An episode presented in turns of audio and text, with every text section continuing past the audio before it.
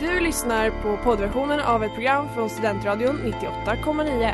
Alla våra program hittar du på studentradion.com eller där poddar finns. Av upphovsrättsliga skäl är musiken förkortad.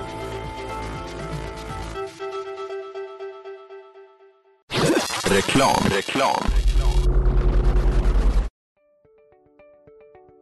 Hej där! Tar du ett sabbatsår? Är du klar med din utbildning i höst? Ta då lite tid för att resa utomlands. Upptäck dig själv med ISEC och arbeta med ett sex veckors volontärprojekt kopplat till hållbarhetsmålen i Afrika. Läs mer på rebrand.ly uppsala 2019.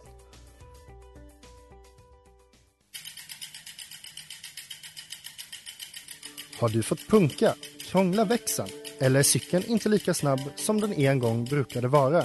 Vänd dig då till Leffes cykel, Uppsalas främsta cykelverkstad sedan 1988. Du hittar dem ett stenkast från Ekonomikum på Sibyllegatan 9 i Luthagen och på leffecykel.se.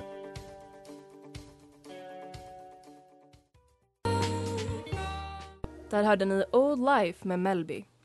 Och ni lyssnar som sagt på När kriget eller krisen kommer på Studentradion 98,9. Idag kommer vi prata om olika historiska kriser som vi vill och inte vill minnas helt enkelt. Så vi tänkte börja med eh, en feberdröm som jag hade glömt bort fram tills idag när du påminde mig Maja. Ja. Det är ju så att eh, jag skulle vara med i det här programmet. Satt Mm. och spånade med några kompisar om så här, stora kriser genom historien. Och hon bara kollade upp och tänkte men den här feberdrömmen Cut for Bieber, vad var det ens om? Det Och den har man ju förträngt. Ja, det är alltså inte jag har en verkligen inte ihåg. tänkt på det på flera år. Ja. Alltså överhuvudtaget. Nej men så jag var ju tvungen att då göra lite research för att senast jag hörde Cut for Bieber var jag väl ungefär 12 år gammal eller något sånt där. Ehm, men då, Cut for Bieber var då en eh, hashtag som började cirkulera på Twitter under början av 2013.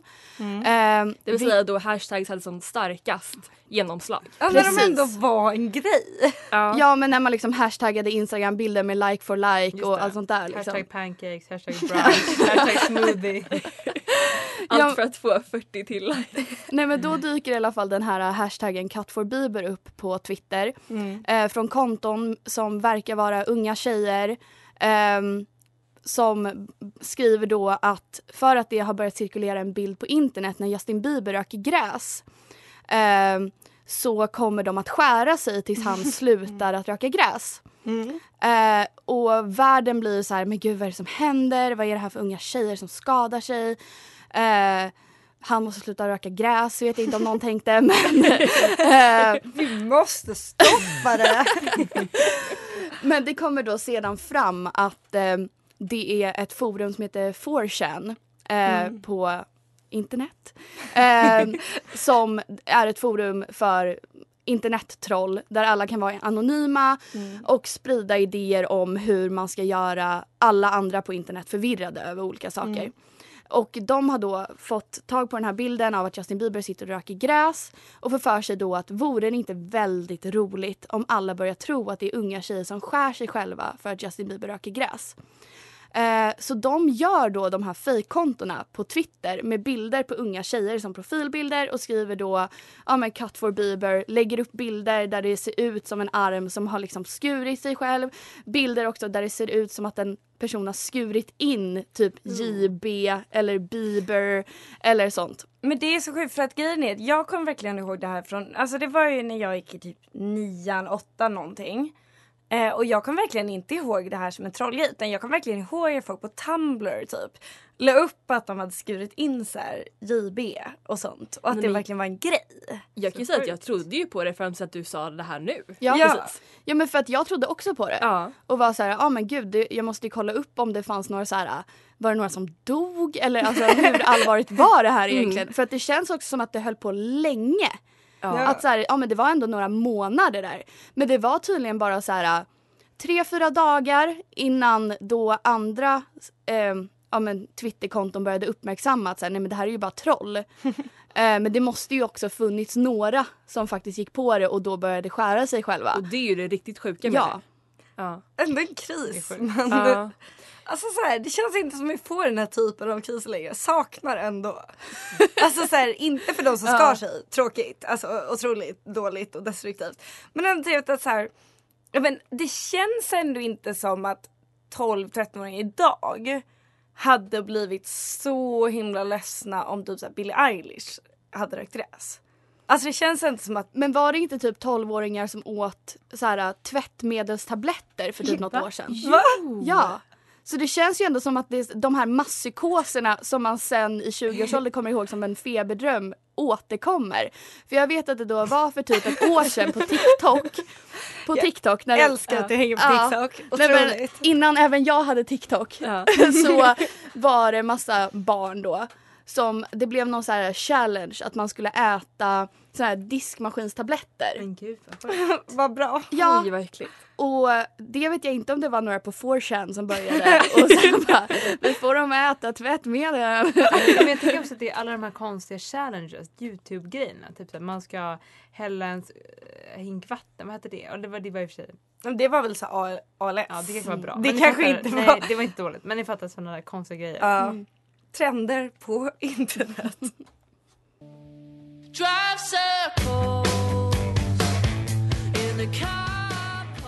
Där hörde ni Dog Eared med Carla Geneve. Och det här, det här Bieberpratet fick mig faktiskt att tänka på en annan favorit Bieber-kris jag har. Nämligen när han eh, besökte Anne Frank-museet. Och han fick äran att skriva i gästboken. Åh gud. Och då var han i början av sin karriär, han kanske var liksom, ja vad var han, 15, 16 någonting.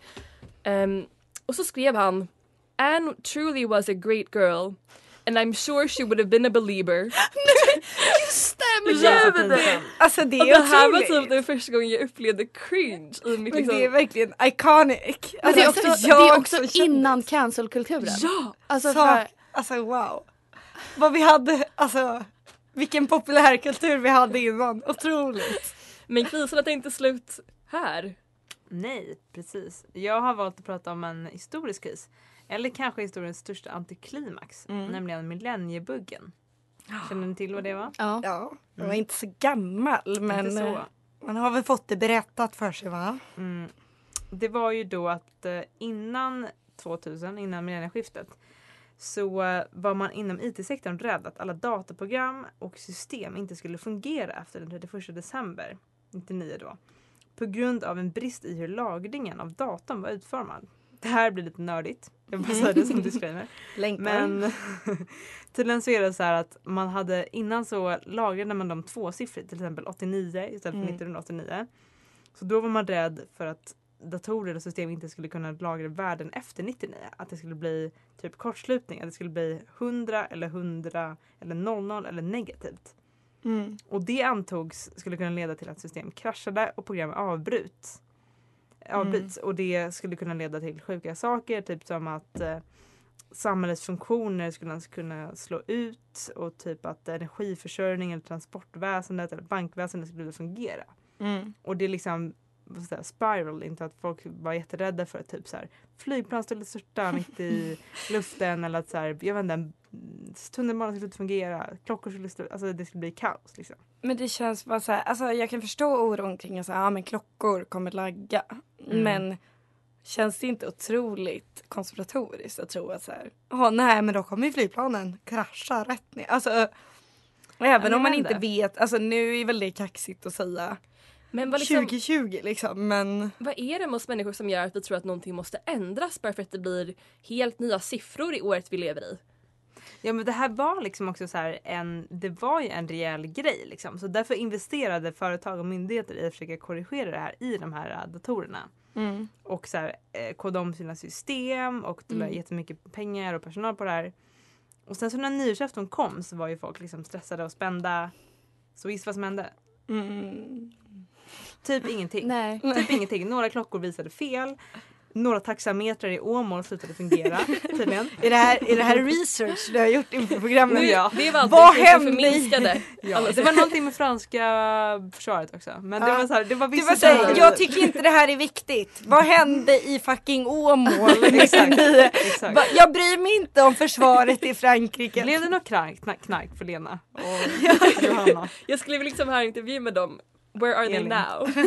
Det har påverkat deras liv. Nästa avsnitt blir en reportage. Från Åmål. Men, ja. Ja. Men så jag tänker så här. Ja, vissa personer ansåg då att problemet hade varit överhypat och överskattat. Men vissa ansåg istället att det var det här arbetet som hade lagts ner som gjorde att det inte var någonting som hände. Det hade kunnat bli kaos. Så var det här egentligen en kris eller var det bara millenniets största antiklimax? Eller kanske millenn- millenniets största krisberedskap?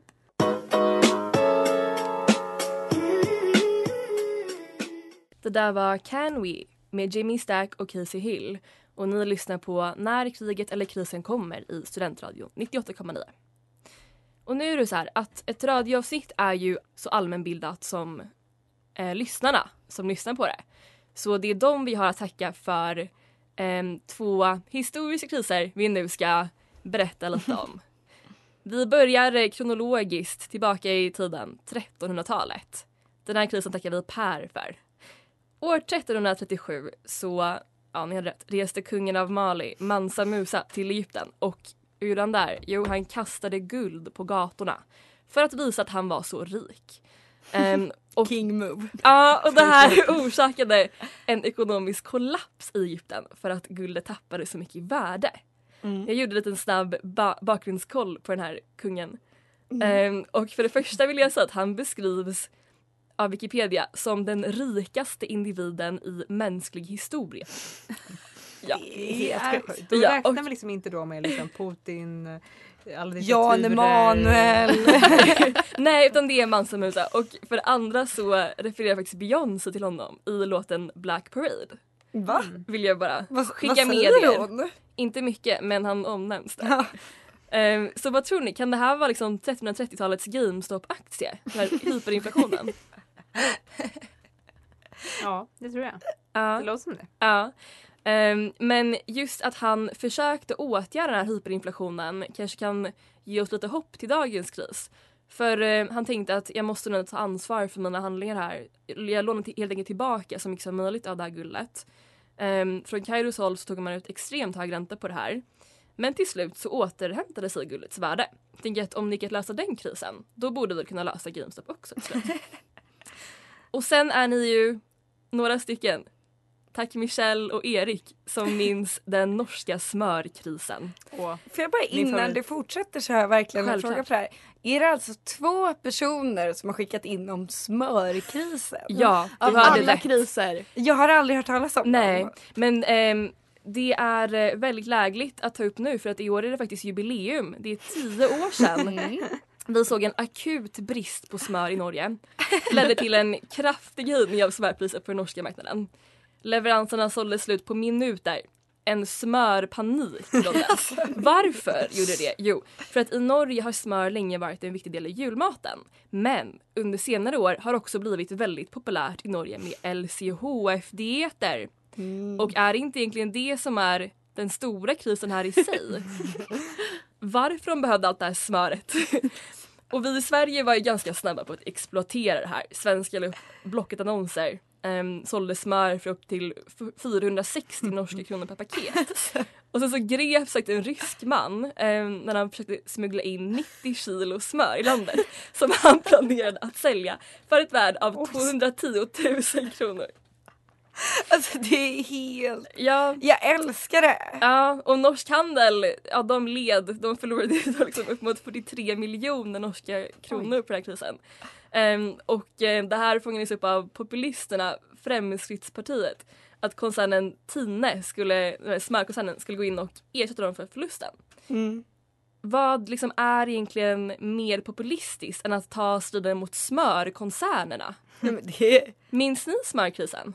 Alltså nej, Alltså det roliga med det här tycker jag förlåt, när jag eh, liksom såg rubriken så tänkte jag att det här var så här 1921. Att det typ så här, under den stora torka, alltså att det var liksom Mm. länge sedan och så här, det var svårt att Ja. skaffa smör. Så när så här tio år sedan. Det känns helt sjukt. Ja, men- 2011! Jag sockrar. tänker, tänker också på det här, alltså det här måste ju då vara innan liksom vegan, att folk insåg att det kanske inte är så bra att äta. Ja men innan det blev trendigt att Ja, vara men vegan. precis, för att så här-. Nu hade man kanske varit såhär, ja ja segt att det kostar så mycket, jag köper Karlshamn istället. Ja. Eller något så här och bara det får vara lite, Margarin. Lite är- mindre fett bara typ. Är inte det en så typisk norsk grej dock? Att de typ inte är veganer. Alltså att de är såhär, jag är vegetarian De men jag äter äter typ bara val. smörgåsar. Alltså i och för sig, det är De mycket smör. jättemycket mackor. Det är mycket mackor Ja. med smör och övriga pålägg. Ja. Man kan ju konstatera en sak och det är ju att det är enbart en norrman i kris som skulle liksom betala 460 kronor för ett smörpaket. Då ville de Ja. verkligen ha det.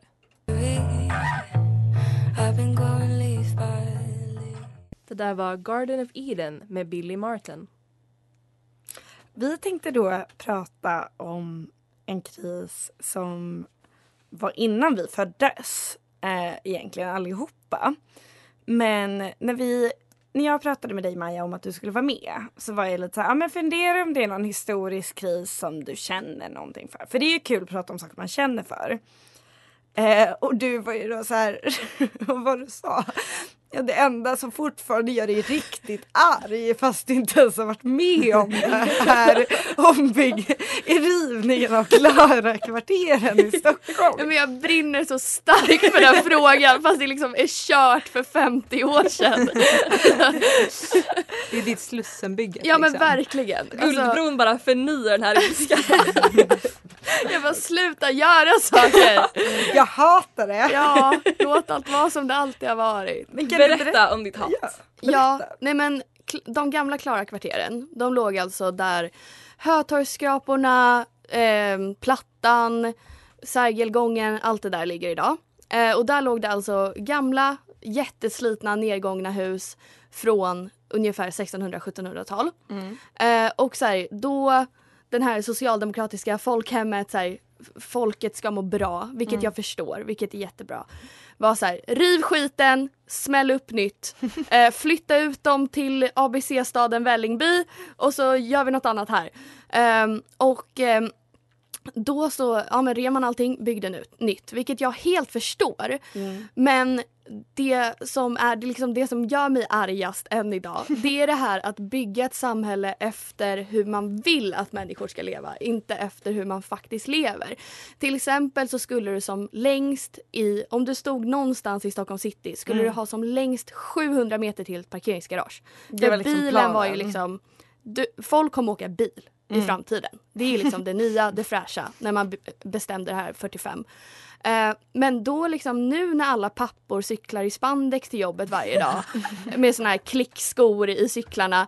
Då, eh, vad gör de där parkeringsgaragen då? Nej, ingenting. Och sen avrustade man försvaret så att de kan inte vara liksom skydds, skyddsbyggnader för folk längre. Alltså så här, det bara står parkeringsgarage överallt och de kostar också så här 60 kronor i timmen att stå där eller någonting. Så ingen vill stå i dem.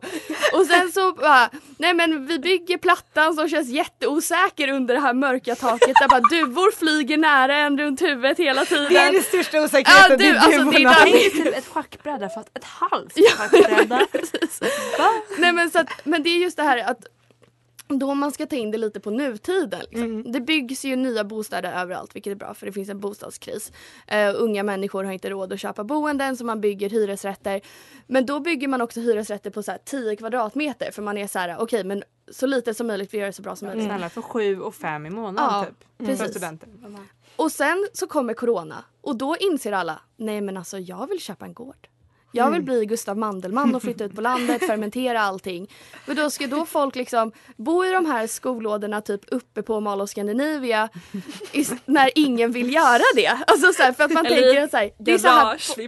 Eller i en skrapan där det blir typ en bordell. ja, Det är så också ja, men, deppigt. ja, det, det, det, Det är sjukt. det är verkligen inte ens fake news. Nej, Alltså, men det är det verkligen- är- Det är Det är verkligen en Ja. Alltså det är verkligen problem där. ja. Ja, nej men det, Nej men just det här att man bara, ja men vi bygger den här stadskärnan och river de här gamla husen, vilket jag förstår. Alltså jag hade väl hellre då sett att man rustar upp dem för jag tycker gamla hus är ganska söta och fina. Mm. Men det är också den här, ja, jag förstår att man kanske om 80 år bara så här, ja men Hötorgsskraporna är jättesnygga för att det tar typ 100 år för att man ska tycka att något är snyggt. Jo, men jag kan ju ändå förstå din poäng att det är så här, man blir ju lack när det är så här, men de här fungerar. Så då tar vi bort dem och gör något skitfult istället. Ja. Alltså det blir ju helt Ja orimligt. men så här, rusta upp dem istället Ja. och gör det lite mysigt. Fatta hur mysigt det skulle vara i Stockholms innerstad då.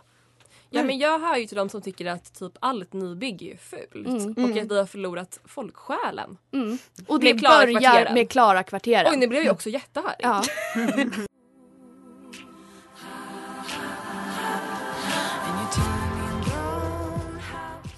hörde ni Devotion med The Staves. Och ni lyssnar på När kriget eller krisen kommer i Studentradion 98,9.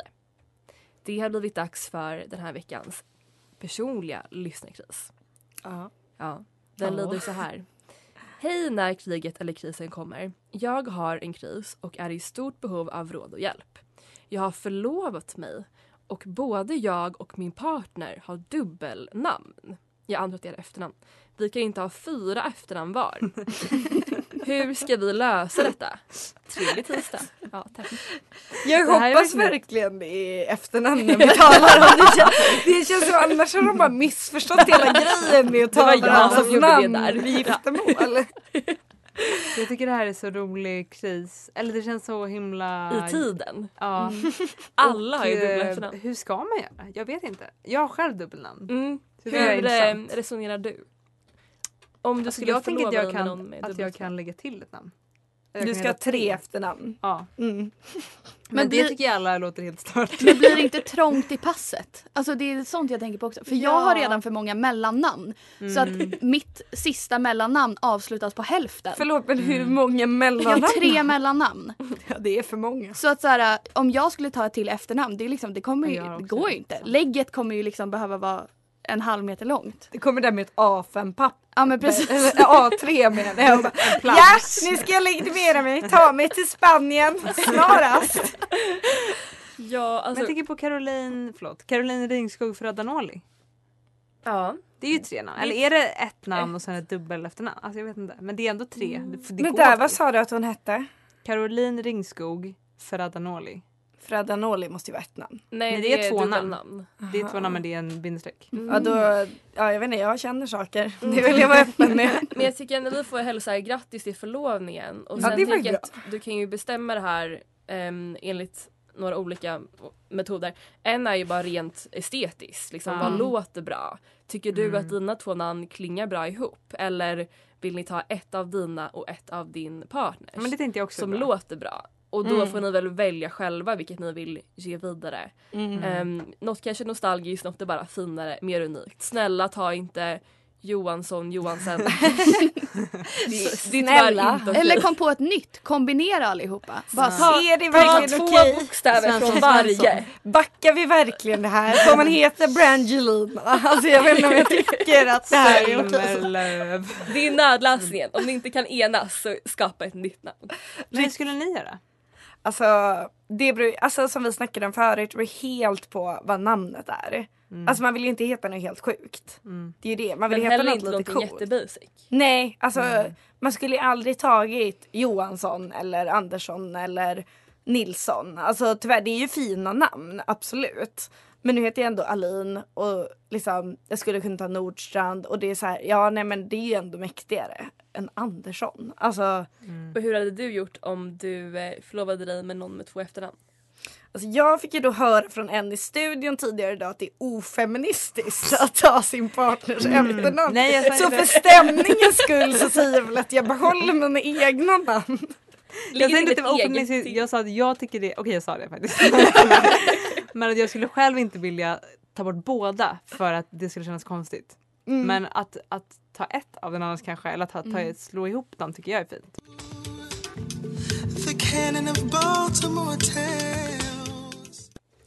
Innan reklamen hörde ni Fellowship med Serpent with Feet. Och jag måste bara lägga in en liten disclaimer. Jag tycker att namnen Andersson och Johansson är otroligt fina. och eh, mitt tidigare uttalande var bara när det kombineras med ett annat likadant namn som dubbel efternamn. Ja, jag står nog fast vid det jag sa. Jag kommer fortfarande inte byta. Men det är inte fult, det är bara jag vill ha något spexigare. Jag vill låta som en författare på 30-talet. Aha. Det är det enda- Hemingway. Ja, det är, alltså, jag vill låta som en författare från England eller Australien om jag ska byta namn. Tova Earl Grey. Ja, minst. inte. minst. Det har blivit dags för, oh gud.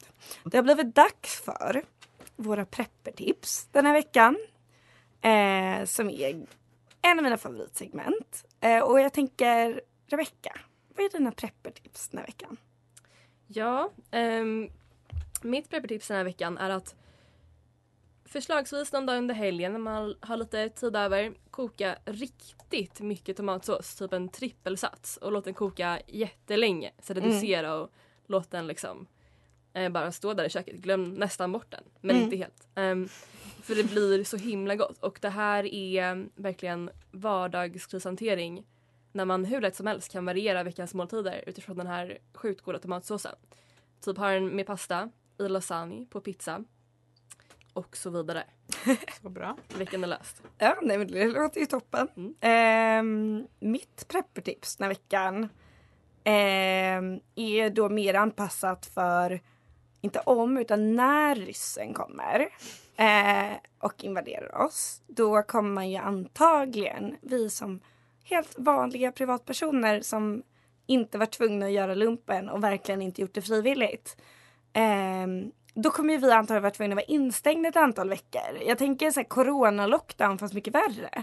Och då tänker jag att en bra preppinggrej är att ha ett gäng sexleksaker hemma. Ehm, toppen när man ska vara instängd. Eh, och kanske kul också att så här, lära känna sin kropp. Du klarar dig själv. Du är en vuxen, mogen människa som kan ha såna här grejer hemma. Det går bra.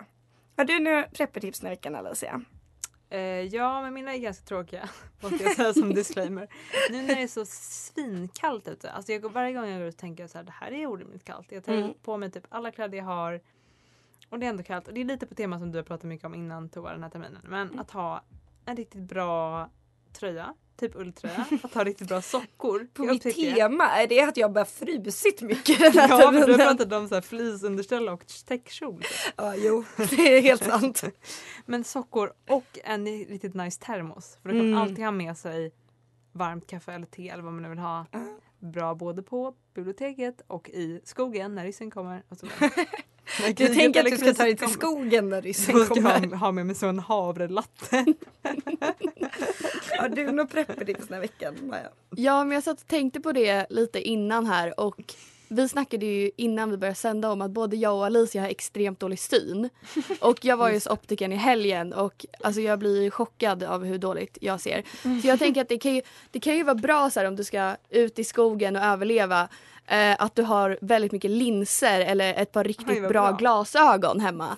Eh, för att annars om jag och Alicia till exempel inte skulle ha det när ryssen kommer, nej, men då är ju vi körda. Alltså vi Ja. kommer ju inte se så här. ni kanske bara, ah gud där kommer en sån här stor armé och vi bara va? Nej, fem, fem meter ifrån oss så kommer vi att se det. Gud, jag skulle bli skjuten på två meters avstånd. Ja. Där hade ni prom med Augustin. Och vi kan ju då efter ikväll lugnt konstatera att det var inte bättre förr. Vi har då pratat om historiska kriser i dagens avsnitt av När kriget eller krisen kommer i Studentradion 98,9. Ni har hört oss prata om hashtag cut for Bieber, millenniebuggen, historiska lyssnarkriser och den eviga sorgen som är Klara-kvarteren. Med oss ikväll så var jag, Tova Alin. Jag, Rebecka Bjurman. Alicia Nattsson Thulin. Maja Rudin.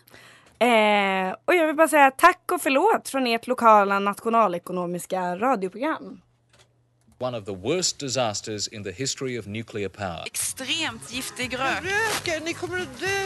Hur gör man egentligen för att förbereda sig på det värsta samtidigt som man bor på 13 kvadrat? Blondinbella går igenom sitt livs tuffaste period. Det är väldigt svårt att veta förrän, efter, förrän efteråt. Inte om, utan när kriget eller krisen kommer. Du har lyssnat på poddversionen av ett program från Studentradion 98,9. Alla våra program hittar du på studentradion.com eller där poddar finns. Och kom ihåg, att lyssna fritt är stort, att lyssna rätt är större.